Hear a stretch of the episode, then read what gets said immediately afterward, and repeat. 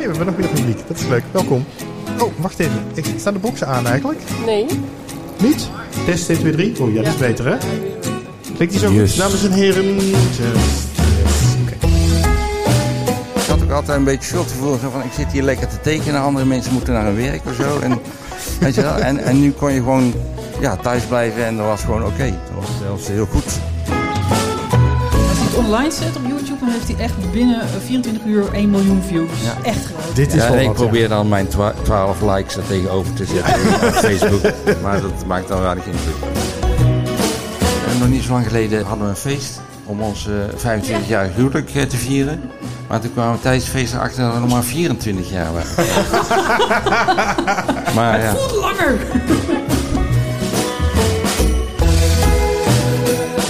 Welkom bij een nieuwe aflevering van de Stripjournaal podcast. En we zitten dit keer eh, in de bibliotheek De Lokhal in Tilburg. En voor het eerst nemen we deze podcast op met publiek. Vind ik heel spannend. Nou, ja, publiek zit...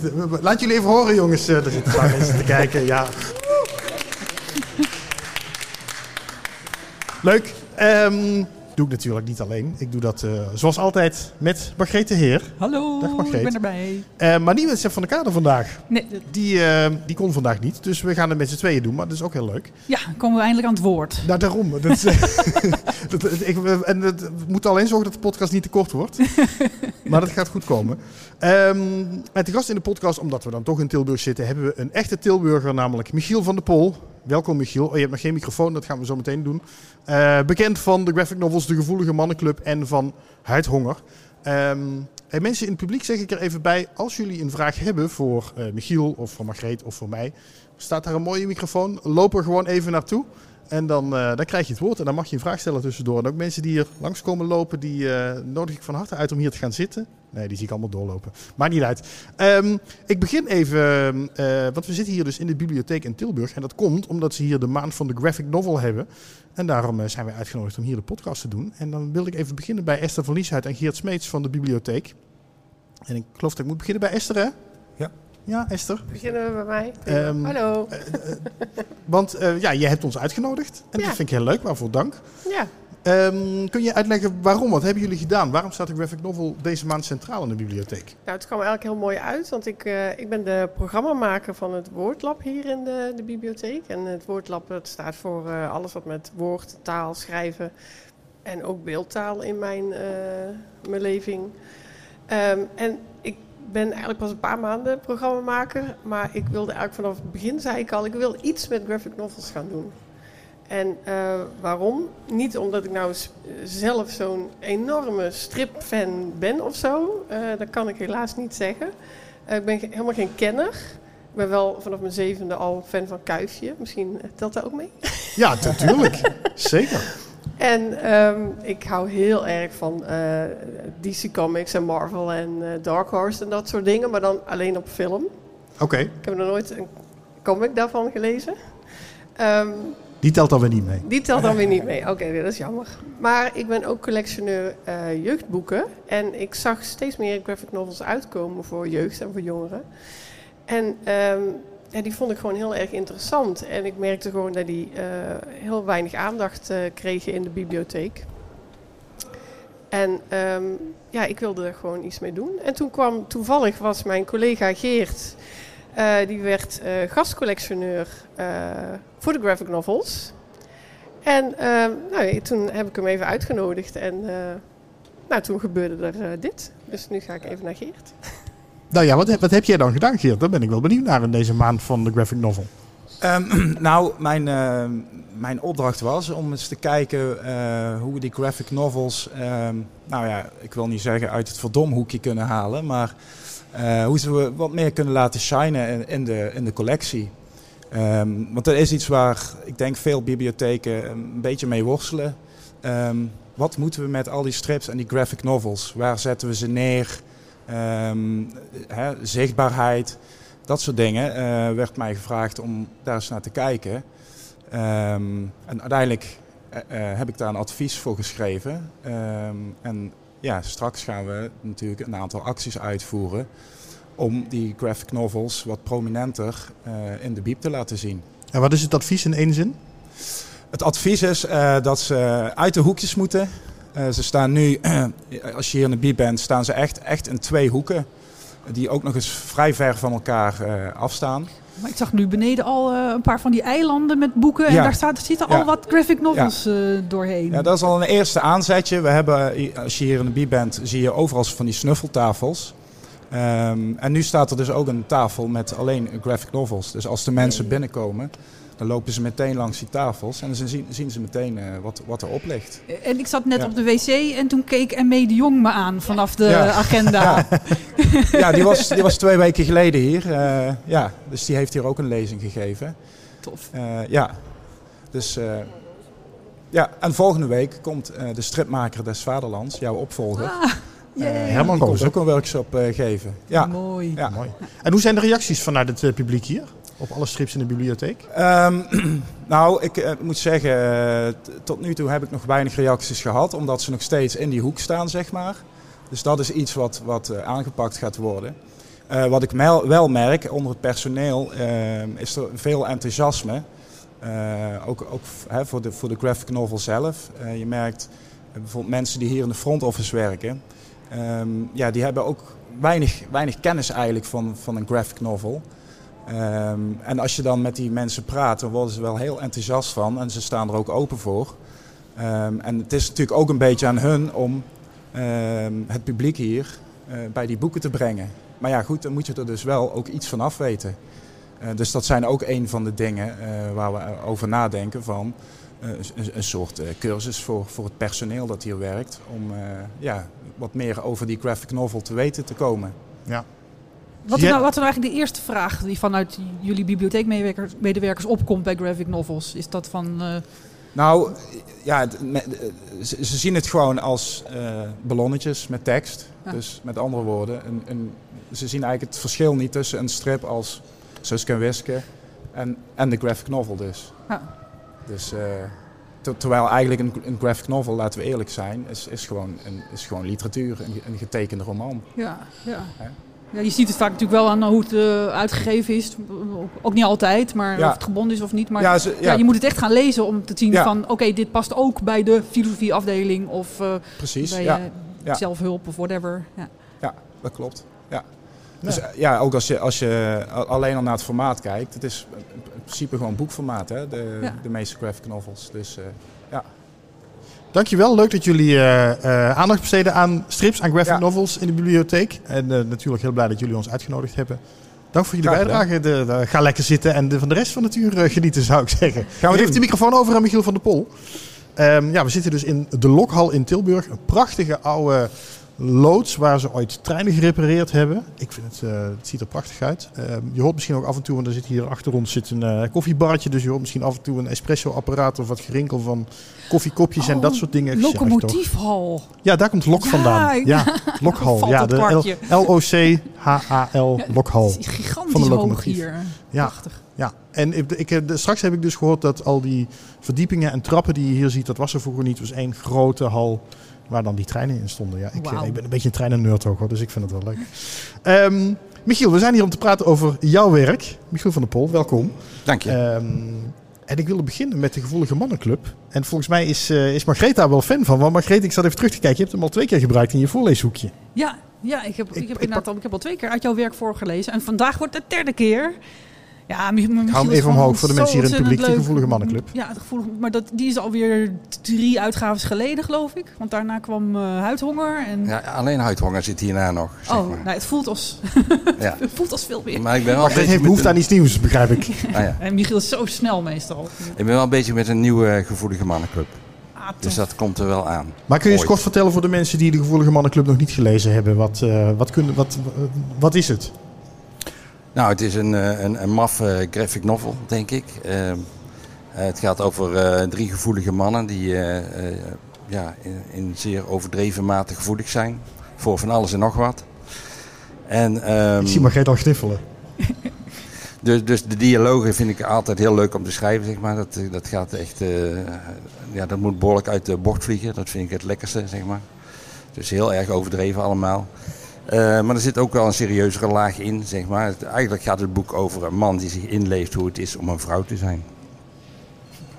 Ja, ik zou het ik- toch, toch veel meer benoemen als het boek het gaat over blote vrouw. Want het is ook voortgekomen uit die small press boekjes Ja, die zeker. blote vrouw heten. Dus op- jouw focus is wel verschoven van de blote vrouw die haar kleren uitwerpt en mannen gaat verslinden. Ja. Naar de, de gevoelige kant van de mannen die haar slachtoffer dreigen te Ja, ze, ja, dat boek is, het is een, dat klopt. Ja, een blote vrouw was een soort eh gestenceld eh, boekje, zeg maar. Wat ik, eh, wat ik gewoon spontaan begonnen ben. linksboven in de hoek beginnen met een bepaald gegeven. En dan maar kijken hoe ver je komt. Hoe lang het leuk blijft en hoe lang het interessant blijft. Eh, dat was een boekje van 24 pagina's, geloof ik. En dat is twee wel. delen ook. Eh, Ja, er zijn twee delen van verschenen. Zelf eh, gekopieerd en, eh, en een nietje er doorheen gedaan. Dus, eh, Maar waar komt dit verhaal vandaan, hè, Michiel? Het is heel absurdistisch inderdaad. En het, is, het, is, het, is, het zet een beetje de wereld op zijn kop. Waar, waar komt dat vandaan? Nou, het, het komt dus vandaan van, eh, vanuit het idee van eh, eh, gewoon beginnen met een boek en kijken hoe ver je komt. En hoe lang het interessant en leuk blijft. Ja, maar als ik ga beginnen met een boek en kijken hoe ver ik kom, komt dit er niet uit. Dus waarom komt dit eruit bij jou? Ja, dat weet ik ook niet. Het gaat gewoon vanzelf, zeg maar. Dus, de, de- maar het is natuurlijk wel zo, als een boek wat dikker wordt, dan is het wel zo dat je... ehm, kijk, 24 pagina's lekker ouwe hoeren hè, in stripvorm, dat gaat eigenlijk prima. Maar Ja. als het dikker wordt, dan, ja, dan op een gegeven moment kom je toch op een punt dat er een soort van verhaallijn in moet komen en een soort van spanningsboog om het interessant te houden. Want als je eh, dat hele boek zeg maar eh, voortzet zoals ik ooit begonnen ben met dat kleine boekje, dan blijft het niet interessant denk ik. Dus dan, Nee. dat is wel een ding. Maar jij, jij begon net een beetje te sputteren, Margreet. Wat wilde jij zeggen? Nou, als kenner van het hele oeuvre van eh, Michiel van der Pol... heb ik zoiets van, nou, je bent hier niet zomaar... eh, Je bent misschien wel begonnen zomaar van, nou, ik ga wat leuks tekenen. Maar er zitten thema's in die zich eh, al afschaduwen in de rest van je werk. Want jouw fascinatie überhaupt met blote vrouwen... Ja. Eh, en, en met eh, grote, sterke vrouwen. eh, en, Maar dat zijn thema's die je zeg maar als vanzelf infietsen of zo, of, of erin komen. Dat is geen vooropgenomen of vooropgezet idee van ik ga nu eens een bepaald thema behandelen of zo. Ja. Die komen er gewoon uit en dat vind ik ook de prettigste manier van werken eerlijk gezegd. Want anders eh, voelt het ook best wel vooropgezet als je het allemaal van tevoren gaat bedenken. Maar het is wel je- zo, inderdaad, er zijn wel thema's die naar voren komen, maar dat is pas, ja, dat, dat, dat ontdek ik pas gaandeweg, zeg maar. Dit klinkt ook bijna alsof jij niet van tevoren een verhaallijn bedenkt en een plot bedenkt, maar gewoon gaat zitten en het eigenlijk een beetje plaatje voor plaatje laat ontwikkelen. Ja, bij de Gevoelige Mannenclub is dat zeker zo. Ja. Ja. Bij mijn andere boek is dat minder, maar bij de Gevoelige Mannenclub eh, was dat het idee. ja. En je tekent ook heel snel, hè? Eh, ja, Tenminste, als in, heel snel. je bent ook niet iemand volgens mij die uitgebreid gaat schetsen en, en dingen. En eh, het, het is redelijk gewoon, bam, het staat erop. Nou, het is wel allemaal geschetst, zeg maar. Dus, Oké, eh, toch wel. maar waar ik dan vooral aan, aan zit te puzzelen is vaak de tekst. En de, de, ja, de opbouw van het, van het verhaal, wat ik net al vertelde. Dat ik op een gegeven moment toch wel een soort van spanningsboog in het verhaal wil hebben. Ja. Ehm, dus daar zit je dan op een gegeven moment mee te worstelen. Dus je houdt het eigenlijk niet vol om, wat ik net al zei, eh, alleen maar lekker te ouwehoeren in stripvorm. En het is, het is behoorlijk absurdistisch ook. Ik begreep dat mensen je wel eens vragen wat je gesnoven hebt. Ja, inderdaad, ja. ja, ja. en wat zeg je dan? Nou, helemaal niks. Het komt allemaal uit mijn in. eigen brein is dat eh, ontstaan. Ja. Daar heb ik niks voor nodig. Nee. Ehm, eh, wil je nog iets over de Gevoelige Mannenclub zeggen, Margreet? Of als, als, als fan van, van het werk? Nou, ik, ik heb wel een vraag wat je, wat je net al aanstipte. Van, eh, de, ja, het begon als genieten boekjes waar je gewoon eh, eh, je, jezelf in uitleefde. Maar voor de, de graphic novel moest je wel degelijk iets meer kijken naar de verhaallijn. Dus je hebt daar iets meer met een vooropgezet plan gewerkt. Hoe, was dat? Ehm, ja, ergens halverwege komt dan. ehm, eh, komt die, die, die eh, ja, je moet het eigenlijk een beetje kennen, maar die maffe eh, dokter die dan uiteindelijk die, eh, die vrouw bouwt, zeg maar. Hè? Want eh, er wordt een vrouw eh, geconstrueerd in het verhaal. Eem, waarom dat eh, hij dat eigenlijk doet. Op een gegeven moment had eh. ik zo'n vraag bij mezelf, waarom doet hij dat eigenlijk? En toen eh, dacht ik van ja, misschien wil hij zelf wel weten hoe het is om een vrouw te zijn. En, en dan gaat hij zich letterlijk inleven in een vrouw. Dus hij, hij kruipt echt- echt in die vrouw en hij groeit in die vrouw tot hij zelf een vrouw is, zeg maar. Ja, ja. En toen had ik het thema te pakken. mooi. Eh, wat jij eh, eigenlijk heel vaak doet, je verdient het grootste deel van je geld met live cartoon tekenen. Dat is weer iets heel anders. Ja, dat klopt. Kun je, kun je eens uitleggen hoe, hoe dat werkt? Want dan word je uitgenodigd door, door bedrijven of zo om, om daar tijdens een congres zo mee te tekenen. Ja, ja, het zijn congressen, maar het zijn soms ook gewoon bijeenkomsten van bedrijven die dan gaan praten over eh, hoe ze verder moeten met, eh, eh, of met hun bedrijf in een veranderende wereld bijvoorbeeld. Of er is een fusie geweest, of ze willen een nieuw ICT-systeem. Of eh, er is nog wat anders aan de hand. En ja, dan komen ze bij elkaar om erover te praten en naar oplossingen te zoeken. En dan zit ik ergens achter in een hoekje en ik maak tekeningen over wat ze zeggen. Dus puur inhoudelijk. En, en dan aan het eind laat je die zien en dat voegt dan iets toe Ja, ik laat ze aan zien. hun dag. En soms heb je dan ook iets wat heet een wrap-up. En dan mag ik ook nog iets vertellen over die tekeningen. Wat heb je er eigenlijk mee bedoeld, Michiel? Vragen ze dan. Dan Ja. eh, vertel ik wat over die tekeningen. En eigenlijk is het een soort samenvatting van die bijeenkomst. Dat is eh, in het beste geval eh, is dat aan de hand. Dus dat je aan de hand van de tekeningen eigenlijk kunt zien, als je er niet bij geweest bent, waar die bijeenkomst over gegaan is. Ja. Waar, waar zit hem de crux in om dat te doen? Want je, je, je stapt daar in, in een bedrijf waar misschien ook wel aardig wat jargon in zit. En, en, en eh, mensen praten daar over dingen die in dat bedrijf spelen. En jij zit daar als buitenstaander bij, moet daar een tekening van maken. Ja, het is precies dat woord wat je zegt. Ik ben een buitenstaander en dat is eh, zeg maar de toegevoegde waarde ook ervan. Want die mensen zitten wel vaak heel erg in de detail en in een soort, eh, ja, ik wil niet zeggen tunnelvisie, maar die zijn zo op detailniveau bezig dat ze soms een beetje de grote lijn, de rode draad van de dingen een beetje uit het oog verliezen. En daar ben ik dan voor. Ja. Is het de hoofdmoot van je inkomen? Ja, ja. Minstens 100 euro per uur, mensen trouwens. Tekenaars die luisteren. Dit is echt. eh ik Ja, heb het is jarenlang business, gedaan. ja? Ja. Als je eh, gewoon eh, tijd wil hebben om een graphic novel te, te 105 maken. 115 in mijn geval. hond- 115, ah, dat gaat al, eh, gaat al omhoog. Ja, ik deed het nog voor 100. eh, dus eh, ja, als je dat een paar keer per maand doet, dan kun je gewoon de rest van de maand eh, lekker je eigen strips tekenen. Ja. Ik ben Maar het is ook ik gewoon ben heel blij leuk. dat je niet zo'n rekening hebt neergelegd om bij die podcast te komen, moet ik zeggen. Sorry? Ik ben blij dat je niet zo'n rekening hebt neergelegd om in de podcast Nee. te komen. Dat is fijn. Nee, ik vind het wel heel leuk om te doen. Maar ik vind dat live tekenen is ook gewoon, buiten dat het gewoon eh, goed betaalt, is het ook gewoon heel leuk om te doen. Want je ziet gewoon wel heel concreet eh, de, eh, het effect van je werk. Ja. En dat is anders dan bij een stripboek. Want een stripboek maak je gewoon, in mijn geval, achter in een tuinhuisje. Eh, helemaal alleen. En dan breng je het naar buiten. En dan krijg je hier en daar wat reacties en wat, wat recensies in kranten. Maar dan, dat is het dan meestal ook wel. Er gebeurt iets. Ik weet niet wat. Ik gelo- Ik geloof dat er wat kinderen Er vallen een paar kinderen rondlopen hier. Oh, het is ik, zie, ik zie iemand opstaan om ze te, vermanend te gaan toespreken. Enthousiasme voor de podcast. Is Ja. Ja, heel goed. Ehm, nou, ik zou me dus wel af te vragen ook, eh, eh, Michiel, inderdaad. Zou je met alleen het tekenen van strips je geld wi- willen kunnen verdienen? Hè? Dat, je, dat je dat eh, niet meer doet, dat, dat live tekenen. Of zou je dat live tekenen ook niet willen missen? Nou, inmiddels wil ik het niet meer missen. Ik vind het eigenlijk wel een hele fijne combinatie. Dus inderdaad, wat ik net zei, je hebt echt het gevoel dat je wel iets toevoegt zeg maar, aan zo'n bijeenkomst. Dat je echt van waarde bent. Eh, en bij, dat, eh, bij de strips tekenen, dat doe ik eigenlijk vooral omdat ik het zelf gewoon heel erg leuk vind. Dat is de voornaamste reden daarvoor. Ehm, maar de combinatie is gewoon heel prettig. Was het eh, moeilijk in coronatijd? Dat staat in je boek, neem ik aan. Ja, we hebben wel een dipje gehad, zeg maar, eh, in het Een hele mooi bruggetje naar huidhonger dit. Ehm, dus mensen hadden wel het idee van we kunnen wel vergaderen eh, online, hè, natuurlijk. Maar het duurde wel even voordat ze ook in de gaten kregen dat je daar ook gewoon een tekenaar weer bij kunt uitnodigen. Want je kunt gewoon, eigenlijk is het in principe gewoon hetzelfde of je digitaal ergens eh, aanwezig bent of, eh, of fysiek. Het is gewoon luisteren wat er gezegd wordt en dat omzetten in tekeningen. Ja. Dus dat kan digitaal ook heel goed. En na dat eerste dipje is het eigenlijk vrij snel eh, weer bijgetrokken, zeg maar. Ja. Maar nu komen we weer een beetje fysiek overal. Dat vind ik wel veel fijner ook wel. ja, dus dat begint nu ook voor jou weer te lopen. Ja, nu. ja. ja, ja. Ehm, nou ja, dit, dit, dit, eh, on- onder andere dit, dit proces heb je eh, omschreven in je, in je boek Huidhonger. In, in die coronatijd toen alles ineens wegviel. Ehm, ja, toen was daar ineens jouw coronadagboek. Ja, klopt. Dat, dat was een soort van prettige manier om, om ermee om te gaan of zo. Ja, ja, nou, ja ik, ik maak natuurlijk al best wel lang dagboekachtige strips, zeg maar. Gewoon over mijn eigen leven. En eh, ja, dit past daar eigenlijk perfect in, zeg maar. En dan bovendien was er ook een soort van, ja, urgentie ineens om dat weer te doen.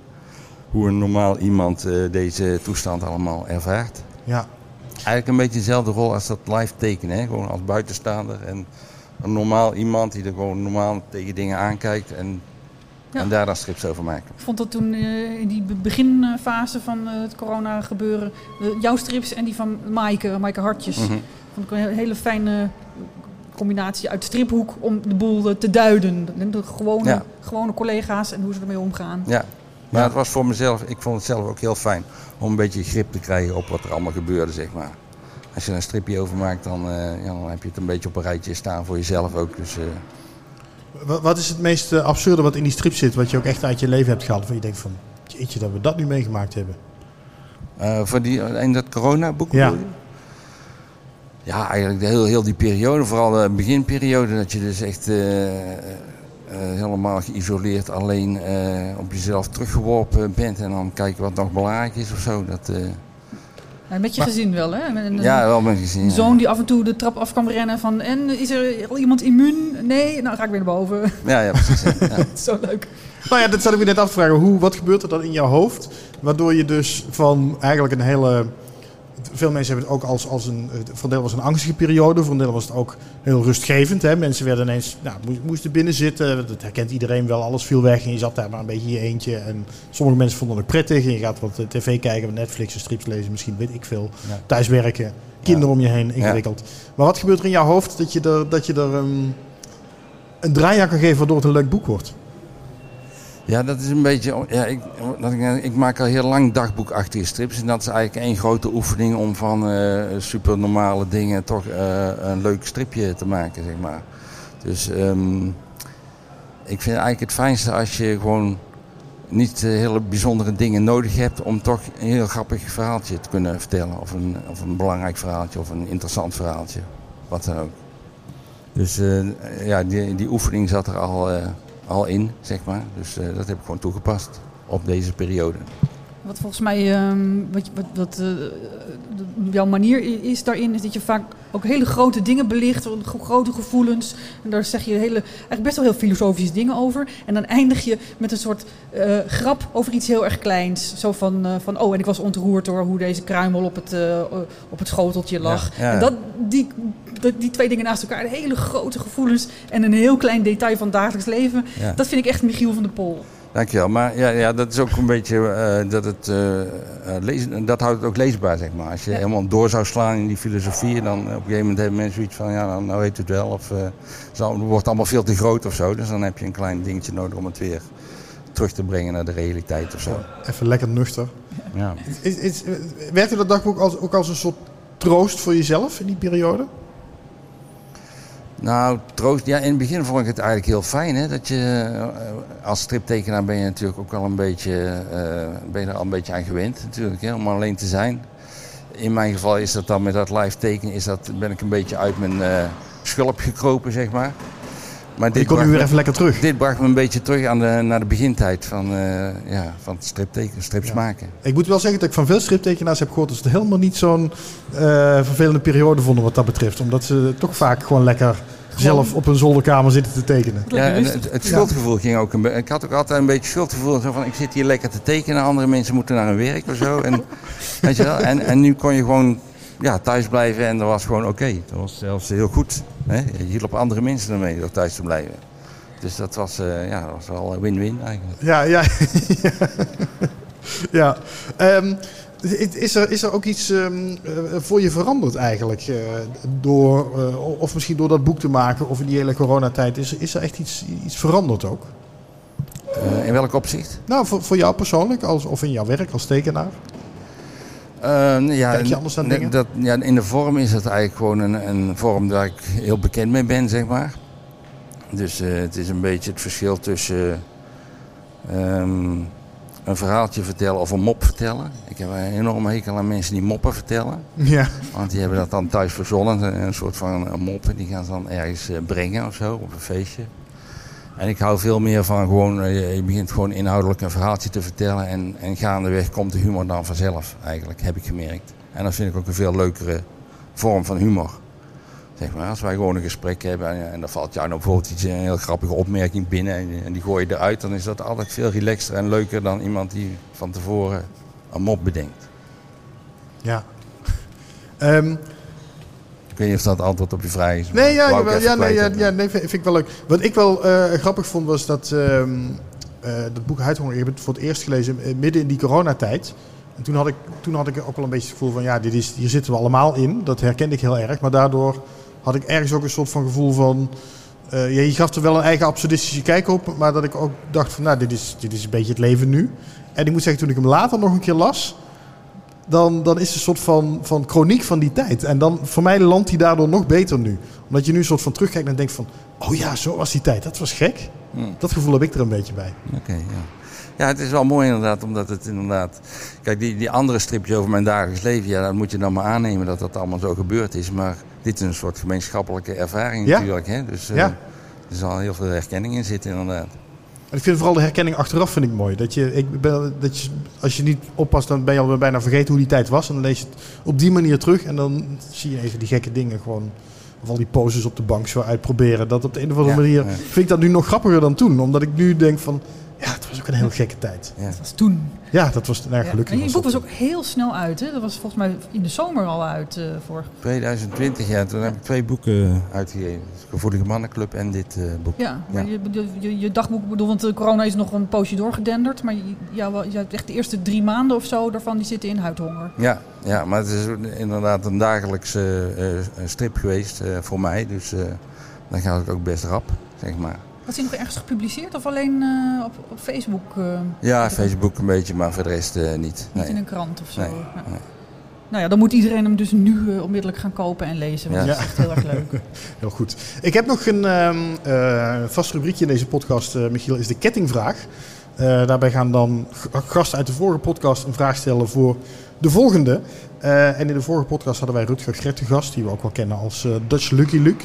En die had een mooie vraag voor jou, die ook wel een beetje aansluit bij...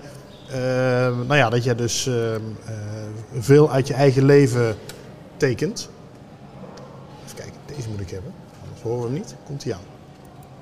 Twee dingen ben ik eigenlijk wel benieuwd naar. En dat is, ja, in hoeverre vind je het makkelijk dat iedereen eigenlijk zomaar kan lezen eh, wat hij eh, in zijn privéleven heeft meegemaakt? En in hoeverre dan die misschien expres dingen weglaat of dat hij echt gewoon het niet erg vindt dat mensen alles weten. En ik ben ook wel benieuwd in hoeverre die interesse heeft om wel eens echt een, een, een, een stripfiguurtje te ontwerpen. Dus niet zichzelf te gebruiken, maar echt een origineel stripfiguurtje te ontwerpen. Of dat er totaal, geen interesse is bij. Ja, eigenlijk een beetje twee vragen tegelijkertijd. Aan de ene kant vind je het wel eens lastig dat, dat je dingen uit je privéleven gebruikt en dat mensen daardoor een soort inkijkje krijgen in jouw leven. Of ik kan me ook voorstellen dat je, dat je misschien het, het wel weer zo'n draai geeft dat het toch niet helemaal jouw leven is. Nee, precies. Het is, eh, ja, door er een strip van te maken, ja, eh, laat je dingen weg en andere dingen overdrijf je. En dat is allemaal bedoeld om er zo'n leuk mogelijke strip van te maken. Het is wel gebaseerd op de werkelijkheid natuurlijk, maar ik eh, vertel precies wat ik kwijt wil en, en niks, niks meer en niks minder. Dus daar heb ik eh, geen enkel probleem mee. Maar het is niet dat je vrouw wel eens zegt, wat heb je nou weer getekend? Nee, nee dat, is- die vraag krijg je ook eh, regelmatig. Ook, eh, of de kinderen het allemaal wel leuk vinden en zo. Maar dat los ik altijd op door mezelf toch nog net ietsje slechter eraf te laten komen als dus dat, dat compenseert dan. En eh, de tweede vraag was, eh, eh, ga je ooit nog eens een, een, een, echt een stripfiguur ontwerpen eh, waar je zelf niet de basis voor bent? Toen zei Margrethe wel al meteen achteraan, dat heeft hij wel al eens gedaan.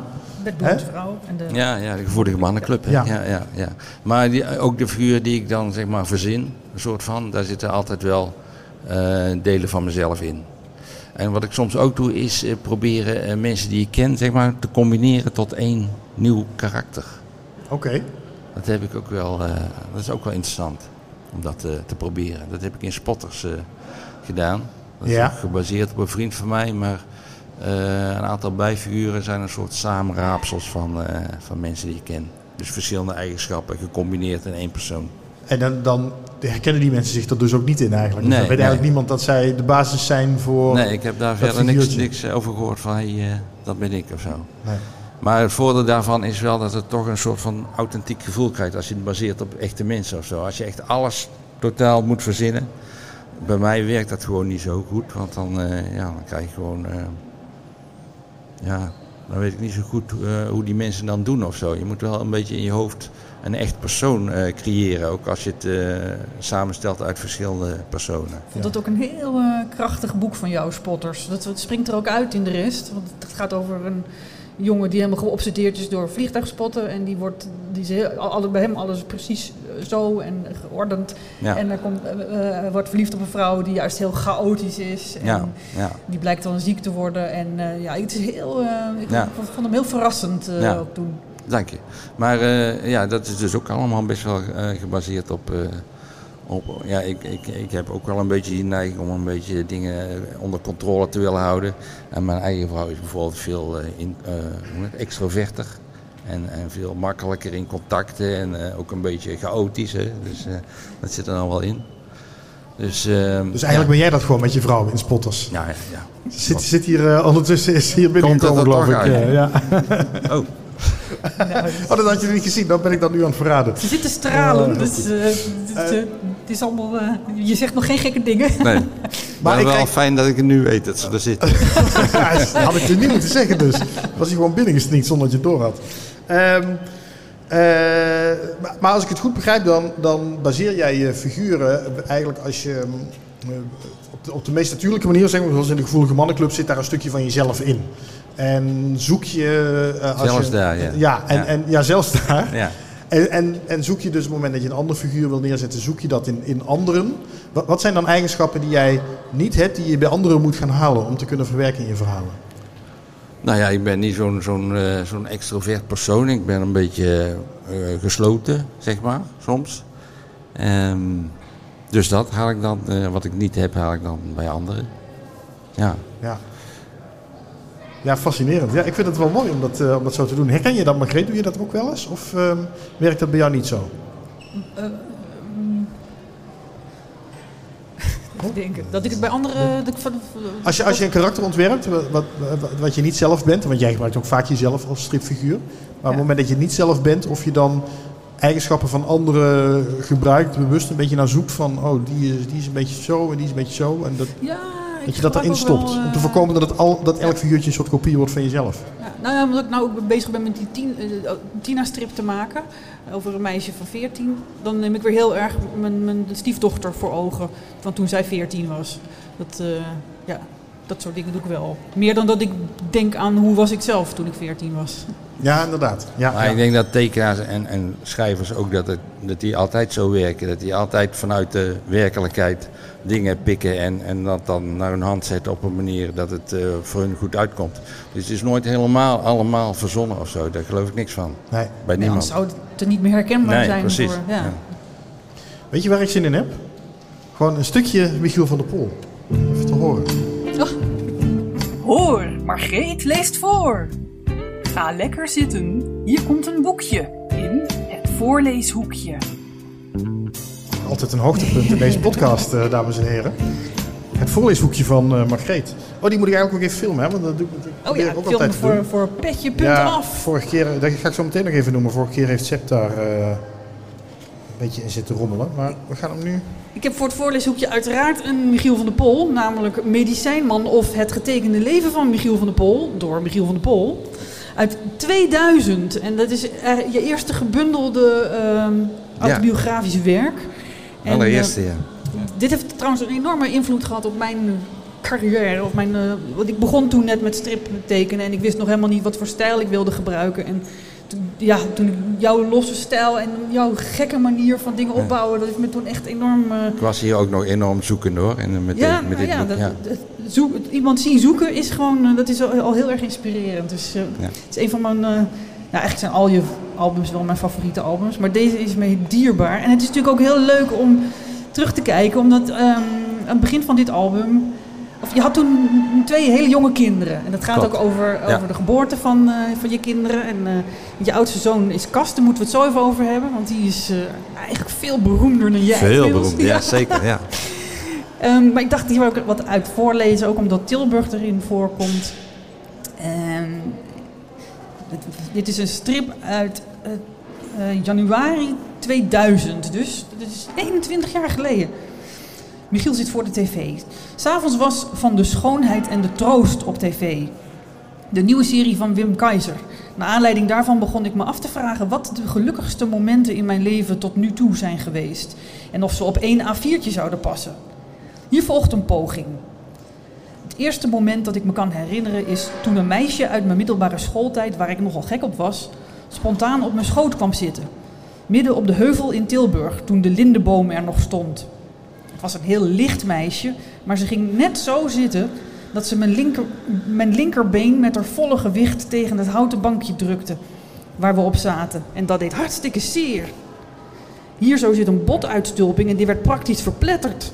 Het was de eerste keer dat ik mocht ervaren hoe dicht pijn en plezier eigenlijk bij elkaar liggen. Het tweede geluksmoment dat ik met u wil delen is een voetbalpaas. Ik maak niet eens een grapje. Toch vreemd hoe die kleine dingen je soms bijblijven. Het gaat om een potje zaalvoetbal van een jaar of 15 geleden. Ik geef in een melee van spelers de enige juiste paas. Een moment van grote zuiverheid. Klinkt zo. Pok. De dankbaarheid was hartverwarmend. Winnend doelpunt. Misschien dat ik het daarom onthouden heb. Dan is het blad vol, dus Michiel zegt... Poeh, gelukkig past mijn geluk niet op één A4'tje. Dat zou me wat geweest zijn. Maar twee A4'tjes moet wel lukken. Ik zal de helft wel vergeten. Maar dit was er zeker één. Ik had pas wat met Lisette... en we zaten op het dak van ons studentenhuis terwijl de zon opkwam. Lisette had me net een enorme zuigvlek gegeven in mijn nek. En ik wist dat het een probleem zou worden om die voor de buitenwereld te verbergen. Maar ik vond het een prettig probleem. Van die eerste zuigvlek naar mijn volgend geluksmoment is slechts een kleine stap. De geboorte van onze zoon Cas.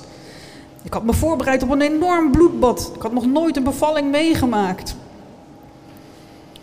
Hoe dan ook, ik was dus tot tranen geroerd toen het hoofdje ging staan. Ja, zo heet dat. En hier zit een plaatje bij, daarvoor moet u echt het boek aanschaffen. Waarschijnlijk is het uitverkocht, maar dan zit het vast nog wel ergens in de bibliotheek.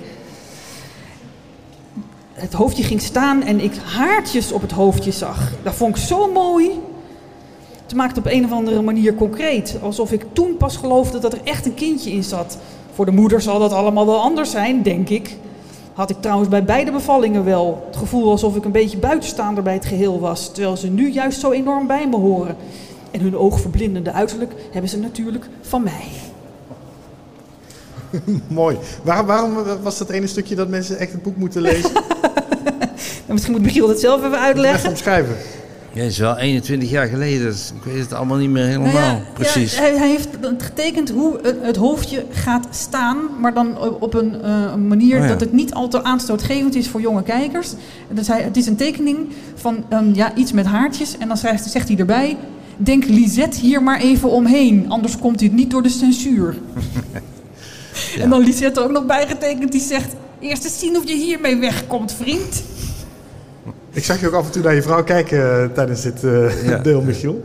Ja, ik was dit allemaal een beetje vergeten. Dus eh, dank, dank dat je het weer eens... eh, ja. Heb je nu eh, dezelfde geluksmomenten of zijn er nog een paar bijgekomen? ja, dus eh, een aaneenschakeling van geluksmomenten in mijn leven natuurlijk eh, met Lisette. Hè? Zal ik het, eh het even afsluiten? En dan gaan we dan over geluksmomentjes verder praten. Dat was het weer. Tot de volgende keer bij het voorleeshoekje van Margreet de Heer. Ben je nog wel trots op dit boek? Of heb je zoiets van... eh, Nou, ik heb een hele periode gehad eh, dat ik dacht van eh, eh, dit is helemaal niks. Maar ik begin de laatste tijd wel milder te worden over mijn vroegere werk. Dus eh, als ik dit nu terughoor zo, dan denk ik van ah, het is eigenlijk best wel grappig. ja, is wel grappig. is echt... En het is ook maar goed dat je je oude werk, dat je dat niet meer zo goed vindt. Want dat zou betekenen dat je, als je het wel nog heel goed vond, hè, van 20 jaar geleden, dan was je ook niet vooruit gegaan. nee, Nee, het zou erg zijn als je het beter vond dan wat je nu maakt. Ja. En dat is ook niet zo. Ja. Nou, mochten mensen nou heel benieuwd zijn hoe dit eh, boek eruit ziet... voor ehm, de mensen die eh Stripjournaal sponsoren op petje.af slash stripjo- stripjournaal... dan komt die video die ik net heb gemaakt van het voorleeshoekje online. Dus eh, via petje.af kun je Stripjournaal sponsoren en daar worden we allemaal heel blij van. En dan krijg je allemaal extra's. Waaronder dus deze mooie video van, ehm, van, eh, van het voorleeshoekje. Dankjewel Margreet. En we moeten nog over je zoon Cas hebben, Michiel. Want dat zei Margreet, die stipte dat net al even aan. Van jouw zoon is ja nog veel beroemder dan jij zelf bent. Ja, dat is echt zo, ja. Want wat doet hij? Eh, hij maakt animaties. Ehm, wat hij eigenlijk doet, zeg maar, is... eh, hij maakt een soort samenvattingen in animatievorm van bekende films. Noemt hij dan recaps. Eh, en die zet hij op YouTube. En ja, daar eh, heeft hij heel veel eh, fans mee verzameld. Van The Lion King bijvoorbeeld. En Bijvoorbeeld, al die ja. Disney tekenfilms. Het is hilarisch wat hij doet. Ik vind ook Ja. jouw humor daar wel in zitten. Oké, ja, ja. Nee, ik vind het ook echt heel goed. En het is heel goed geanimeerd en heel grappig, inderdaad. En het slaat enorm aan, dus eh, ja, dat doet hij heel goed. Als hij het online zet op YouTube, dan heeft hij echt binnen eh, 24 uur 1 miljoen views. Ja. Oké, ik wilde gaat net zeggen, over wat voor eh, orde van grootte hebben we het dan als we zeggen hij is veel beroemder dan jij? Oké, het. Echt groot. dit is wel en ik wat, ja. probeer dan mijn twa- 12 likes er tegenover te zetten op Facebook. Maar dat maakt dan weinig indruk. En, maar eh, je bent er wel trots op, neem ik aan. Ja, heel of, of trots, kijk heel je er ook trots. met een beetje En, jaloezie en niet, naar? niet alleen trots op het feit dat hij zo goed eh, kan animeren en tekenen en, en leuke filmpjes maakt. Maar ook dat hij geheel op eigen kracht een weg heeft gevonden om daar eh, van te leven. Dus dat is echt... eh, ja, dat vind ik ook, daar heb ik echt helemaal niks aan gedaan. Heeft hij gewoon helemaal zelf zitten uitvogelen hoe dat moest eh, via YouTube. En eh, hoe je daar dan eh, geld mee kon verdienen. En eh nou, het is langzaam begonnen en dat heeft zich langzaam uitgebreid. En dat is... eh, ja, Hij zit ook op Patreon, dat is ook zo'n site Ja, waar ja, je hem kan Patreon, steunen. Dat ja. doe ik dan ook. En dan krijg je dus ook dan krijg je eh, previews hè, voordat Ja. het grote publiek het ziet. Dan krijg je Het is echt heel anders als toen ik begon, zeg maar. Want ik had gewoon zo'n idee van ik maak gewoon twee stripboeken per jaar en daar kan ik dan van leven. Weet je wel, heel naïef. Ja, in die tijd kon Ja. dat misschien nog. Dus eh, nou, toen kwam dat live tekenen uiteindelijk op mijn pad. En daar ben ik heel blij mee dat dat eh, zeg maar, eh, een vlucht heeft genomen. Maar hij, eh, ja, van begin af aan is hij ook daarmee bezig geweest. Van, hoe, hoe, hoe kan ik dat zakelijk zo aanpakken dat ik, eh, dat ik daarmee verder kan.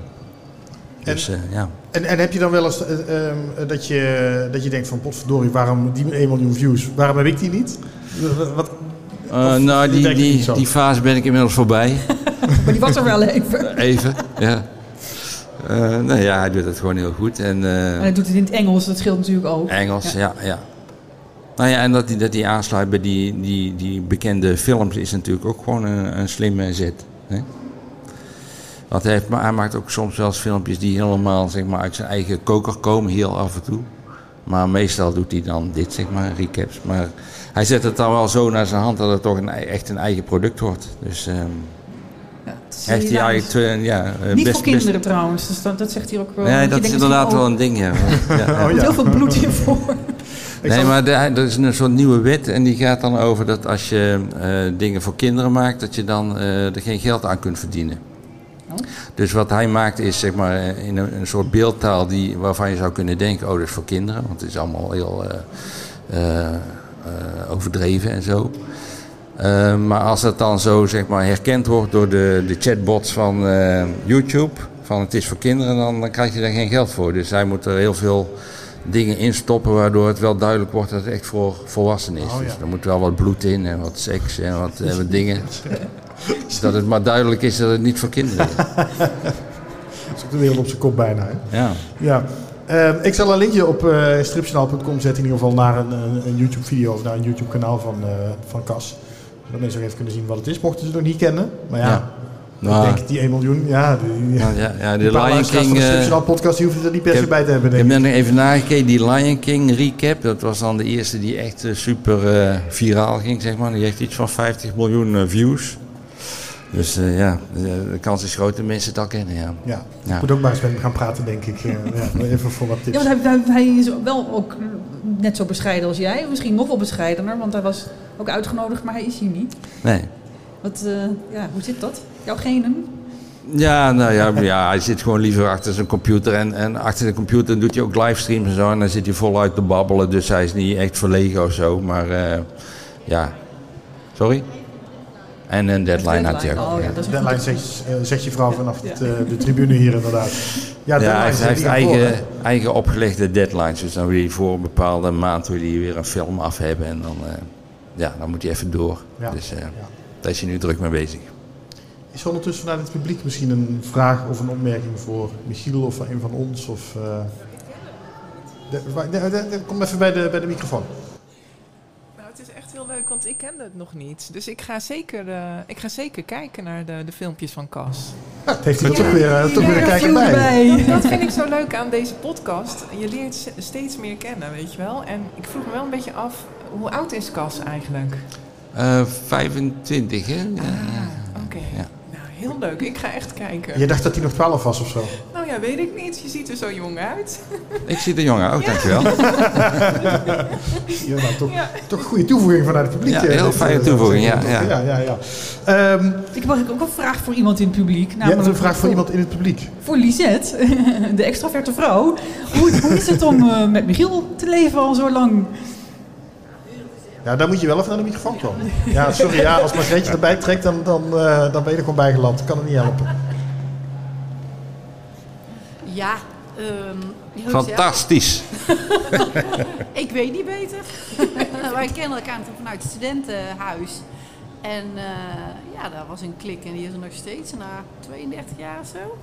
Dus eh, ja, En jullie, hoe jullie elkaar ontmoet hebben is ook heel leuk beschreven in jouw graphic novel Ja. Michieltjes Jongenshart. Oh ja, klopt. Ja. Ja. Ja, ja, ja. Ook een van mijn favoriete graphic novels van Michiel van der Pol. Dank je, dank je, dank je. Ja, we zijn pas eh, nog niet zo lang geleden eh, eh, waren we, hadden we een feest om ons eh 25-jarig huwelijk te vieren. Maar toen kwamen we tijdens het feest erachter dat we nog maar 24 jaar waren. maar ja, Voelt langer! Maar en toen? Ja, het feest was er natuurlijk al. ja, het feest was er. Ja, ja, ik Nou vond ja, goed, dat was ook goed hè, dat we dat gevierd hebben, want ja, daarna was corona. Precies, Dus, ja. eh, toen hebben we toch een feest gehad. Maar jullie hadden allebei dus waren er helemaal van overtuigd van het is Ja, 25 wij jaar. Niemand ging even checken. Nee. Wel, er was één iemand die kon heel goed rekenen. Dus die ging, Maar niet in, Die ging terugrekenen. dus we hadden het feest even een heel klein dipje en daarna ging het gewoon weer eh, verder als feest. Hè? Ja, dat was wel echt zo. was eigenlijk ook een leuke binnenkomen. Ja. Maar verder, eh, ja, ik, ik- nogmaals, het is gewoon heel gezellig. We hebben alle twee veel humor, dat is belangrijk. En, eh, en eh, ja, dezelfde interesses ook wel. Ook wel weer heel andere. Maar ja, Hoe vind je dat Michiel jou tekent? Want je, ja daar ben ik niet zo tevreden Nee. over. je, bent zo, je bent een prachtige vrouw. En in, in, in die strip, maar ja, niemand is mooi in Michiel's strip nee, eigenlijk. Nee, dat klopt, dat klopt. Nee, dat heb ik in het begin nog wel eens gezegd. Maar eh, ja, nogmaals, wat hij net ook zegt, hij tekent zichzelf nog erger. Dus ja, dan... Over die als heel... eh, Kinderen nog- vonden het vroeger wel eens erg, hè? Een beetje... Ja, oh ja, toch wel? Ja, wel eens. Zeiden, ja, maar zo zie ik er toch niet uit. Toen ze wat kleiner waren, hè? Ja, bepaalde toen ze heel klein waren, toen ja, kon ze eigenlijk nog niet veel zeggen, zeg maar. Dus dat was eh, makkelijk. Maar er is al een bepaalde periode geweest dat, ja, zo puberteit en zo is dat natuurlijk allemaal super gevoelig. Maar eh, ja, ik probeer het, inderdaad- ja, nogmaals, ik probeer mezelf altijd net iets eh, vervelender af te schilderen als, als hun. Dus, eh, en, en echt, echt vervelende dingen heb ik nooit, eh, hè, toch? Nee, het is allemaal eigenlijk heel lief. Lief, En dat is? Ja. vaak ook heel grappig. Dus ik moet daar dan ook wel om lachen. Of dan herken je die situatie en denk je ook, ja... Ja, dat is ook zo gebeurd. En dan net iets grappiger getekend. Maar ja. Dankjewel voor je bijdrage, eh, Lisette. Ja. Ehm, nou, we zijn redelijk aan het eind gekomen van... Oh nee, er komt nog een vraag bij. Ja. Goed. Praat ik zo door de microfoon? Ja, ja, zo gaat het helemaal goed. Eh, maak je ook een planning voor het striptekenen en verhalen vertellen? Voor, ja, als je... eh, Voor het verhaal zelf bedoel ja, je? ja, voor het verhaal, voor het boek of eh, de opdracht die je maakt. De opdrachten die je doet. Ehm, nou, ik moet eigenlijk eerlijk zeggen, de, de opdrachten voor dat live tekenen, die gaan eigenlijk altijd voor. Want eh, ja, voor het maken van een, een stripboek krijg je gewoon niet zoveel geld. Dus ehm, eigenlijk alle tijd die overschiet eh, voor niet betaald werk gaat naar eh, stripboeken. Dus dat is de planning. Dus de planning maakt zichzelf een beetje, eigenlijk, in die zin. Ja, duidelijk. Je, hebt je vaste planning van het live tekenen, zeg maar. En, en de tijd daartussen vul je op met eh striptekenen. Ja. Zo werkt het eigenlijk. En je hebt waar, waar veel stripmakers jaloers op zijn, je hebt een eigen tuinhuisje waar je lekker rustig kan Een werken. tuinhuisje, ja, zeker. Pas opgeruimd zelfs. Dus, eh, Dus elke dag loop jij door de tuin naar je werk eigenlijk. Ja. Dat is het. Ja, ja, brood, broodtrommeltje onder mijn arm. Ja. Ja, nog net niet. maar- Fijn dat je er was, eh, Michiel. We zijn Ja. zo langzamerhand eh redelijk aan het eind gekomen van deze podcast. Het enige wat ik jou nog moet vragen, is namelijk ook zo'n mooie kettingvraag voor de volgende gast. En in de volgende podcast eh, praten wij met Hugo Cerise, tekenaar van De Lijn onder andere, kunnen mensen hem van kennen. En het, het interessante is dat hij, wat zal het zijn, een jaar of twee geleden denk ik, ineens redelijk van het toneel was verdwenen. Ook, ook iets burn-out-achtigs. En, ehm, eh, en nu is hij weer terug. En de lijn is weer terug. En ik ben heel erg benieuwd eh, eh, nou ja, hoe, hoe hij dat beleeft en, en wat, wat zijn plannen zijn. Dus daar ben ik heel erg benieuwd naar om dat te gaan vragen. Maar ik ben ook benieuwd wat voor vraag jij voor hem hebt. Ja, ik begreep dat hij ook eh, live tekent op bijeenkomsten en dergelijke. Dus ja, ik, ik spreek eigenlijk niet zo heel veel collega's in die zin die dat ook doen. Dus ik ben eigenlijk wel benieuwd naar wat hij de grote voordelen, maar ook de grote nadelen vindt van het live tekenen. Leuk. En wat vind je, want ik heb het gevoel dat we het vooral over de voordelen hebben gehad. Wat vind je zelf een nadeel van live tekenen? Ehm, nou ja, wat lastig is inderdaad eh, eh, de balans te vinden tussen eh, dingen die je echt zelf heel graag wil maken. Dus in boekvorm bijvoorbeeld en, en betaalde werk. Dus Want voor je kan- weet staat je hele agenda vol met live tekenen. Sorry? Voor je het weet is je hele agenda gevuld Ja, met live ja tekenen. precies. Ja. Ja, het kan soms enorm oplopen en dan heb je weer soms een periode dat wat rustig is. Maar ehm, het is wel lastig als je midden in een boek zit of zo om dan... Het duurt soms heel lang om een boek te maken op deze manier natuurlijk. Hè. Liever zit je gewoon eh, een jaar of twee jaar alleen maar vol, full focus op zo'n boek te werken. Maar dat kan ik me gewoon niet eh, veroorloven, zeg maar. Ja. Ik weet niet hoe andere mensen dat doen, eerlijk gezegd. Maar ehm, ja, er moet ook geld verdiend worden. Ja. Denk ik dan, hè, Margreet? Dat is iets eh, waar jij wel goed in bent geworden. Ja, ja, daar hadden we het inderdaad ook over hè, laatst. Van, doe je crowdfunden om, om de drukkosten te betalen van iets wat je al hebt liggen? Of doe je crowdfunden om in een paar maanden alleen maar aan iets te kunnen werken? Dat zijn de, het laatste geval is toch wel moeilijker, denk ik, om op Ja, te zetten. zeker. Ja, Ja, en dat ja. je niet echt iets verkoopt nog. Daarover gesproken, ik zou het bijna vergeten. Want we hebben nog Ja, eh, prijs iets van- moois om weg te geven. Ja, Uit eh, de podcast die we met jou hebben gemaakt. Namelijk jouw eh, mooie overzichtsboek. Prachtig gesigneerd. Je hebt er echt een klein stripje in getekend, zag ik. ja. Voor de gelukkige winnaar. Ik heb hier altijd een mooi bekertje met name. Dan kunnen mensen ook eens een keer zien hoe dit gaat. Dat dit gewoon echt, echt is, hè? Dat hier echt letterlijk... Oh, we moeten één briefje... Tenzij natuurlijk allemaal dezelfde naam op al die briefjes staat. Maar, Jij mag hier een briefje uittrekken, eh, Michiel. En ehm, het is dan de winnaar van dit mooie overzichtsboek van Margreet. Mag ik het voorlezen? Ja, mag je voorlezen. Het briefje nu open. Patrick Mattheusen. Patrick Mattheusen. Die krijgt het eh, mooie overzichtsboek van... Ah, dan ben ik weer te laat met, mijn- met mijn geluidjes. Ik wilde eigenlijk deze zo. Ja. Applaus. Ja, oh, we hebben het publiek voor het applaus natuurlijk. Ja, heel goed. Zie je, ik moet ook gewoon nog even wennen aan, eh, aan het publiek. Oh, dan ben, wacht even. Ik ben vergeten de microfoon aan jullie kant open te zetten. Nog een keer applaus. Oeh. Ja, heel goed. Nu heb ik er mooi mee opgenomen. Ehm dit is voor mij ook nog een beetje wennen dit hoor. Eh, Patrick Mattheusen, nou ja, gefeliciteerd. En eh, jij had ook nog iets meegenomen, eh, Michiel, om weg te geven. Ja. Dat was volgens mij dit mooie exemplaar van de Gevoelige Mannenclub. Ja. Mooi gesigneerd door Michiel van der Pol. Te winnen door je gegevens achter te laten op stripjournaal.com slash actie. Maar dan moet dan wel een codewoord ingevuld worden. En dat codewoord mag jij bedenken, Michiel. Ik moet nu een codewoord bedenken. ja. Ah, dat kan. Mag alles zijn. Hij wordt gesouffleerd door zijn vrouw. Mijn vrouw zegt opa. Dat is inderdaad Opa. wel een mooi eh, codewoord, ja. En waarom het woord- codewoord opa? Nou, drie keer uit. Ja, ja, nee, ja ik heb zo'n vermoeden, maar... Ja, ik wil opa. Ja, je wordt opa. Ja, Ja. echt waar. Oh, Ja. leuk. Mijn dochter is zwanger. Ja. Voor het eerst. Ja. Leuk. Ja. Hoe lang nog? Eh, midden januari. De exacte datum weet ik niet, maar ja, dat is toch de natuur die eruit Ja, dat wou ik zeggen. Dat zo goed kun je dat ook weer niet plannen. Het is toch prachtig, Dus- want dat, dat boek wat, waar ik uit voorgelezen heb, dat eindigt dus met dat Lisette eh, zegt van, oh, ik ben zwanger van de derde. Dan, dan is, eh, ja, de derde werd ook weer een jongen, dat, dus Chris was Ja, er al. Maar, en nu beëindigen we de podcast ook nog weer met de aankondiging Nou, van cirkel nog weer een klein kindje. Prachtig toch? Stripjournaal.com slash actie, opa. Voor de gevoelige mannenclub van Michiel van der Pol. Heb ik nog één laatste ding, wat ik ook wel leuk vind. Ehm, eh, ik ben benaderd door Storyworld in Groningen. Ehm, want daar is binnenkort een hele mooie Kresse tentoonstelling. En eh, luisteraars van de Stripjournaal podcast kunnen daar met korting naartoe. 1,25 euro korting kun je daar krijgen op de toegangsprijs. Eh, maar dan moet je een kortings... Dat is dan weer een andere code die je moet invullen. Dat is Kresse 100. En dat kan dan weer via storyworld.nl slash Kresse. Ehm, en die code is dan online eh, van 30 oktober tot en met 19 december. Kun je dan met kortingen bij Storyworld naar binnen voor uh. Story, storyworld.nl slash Kresse en dan Kresse 100. Nou, ik denk dat dit genoeg codes zijn om, eh, om in te vullen. Dankjewel eh, Michiel, leuk dat je er was. Jullie bedankt. Mag ik een hartelijk applaus eh, jongens voor eh, Michiel van der Pol.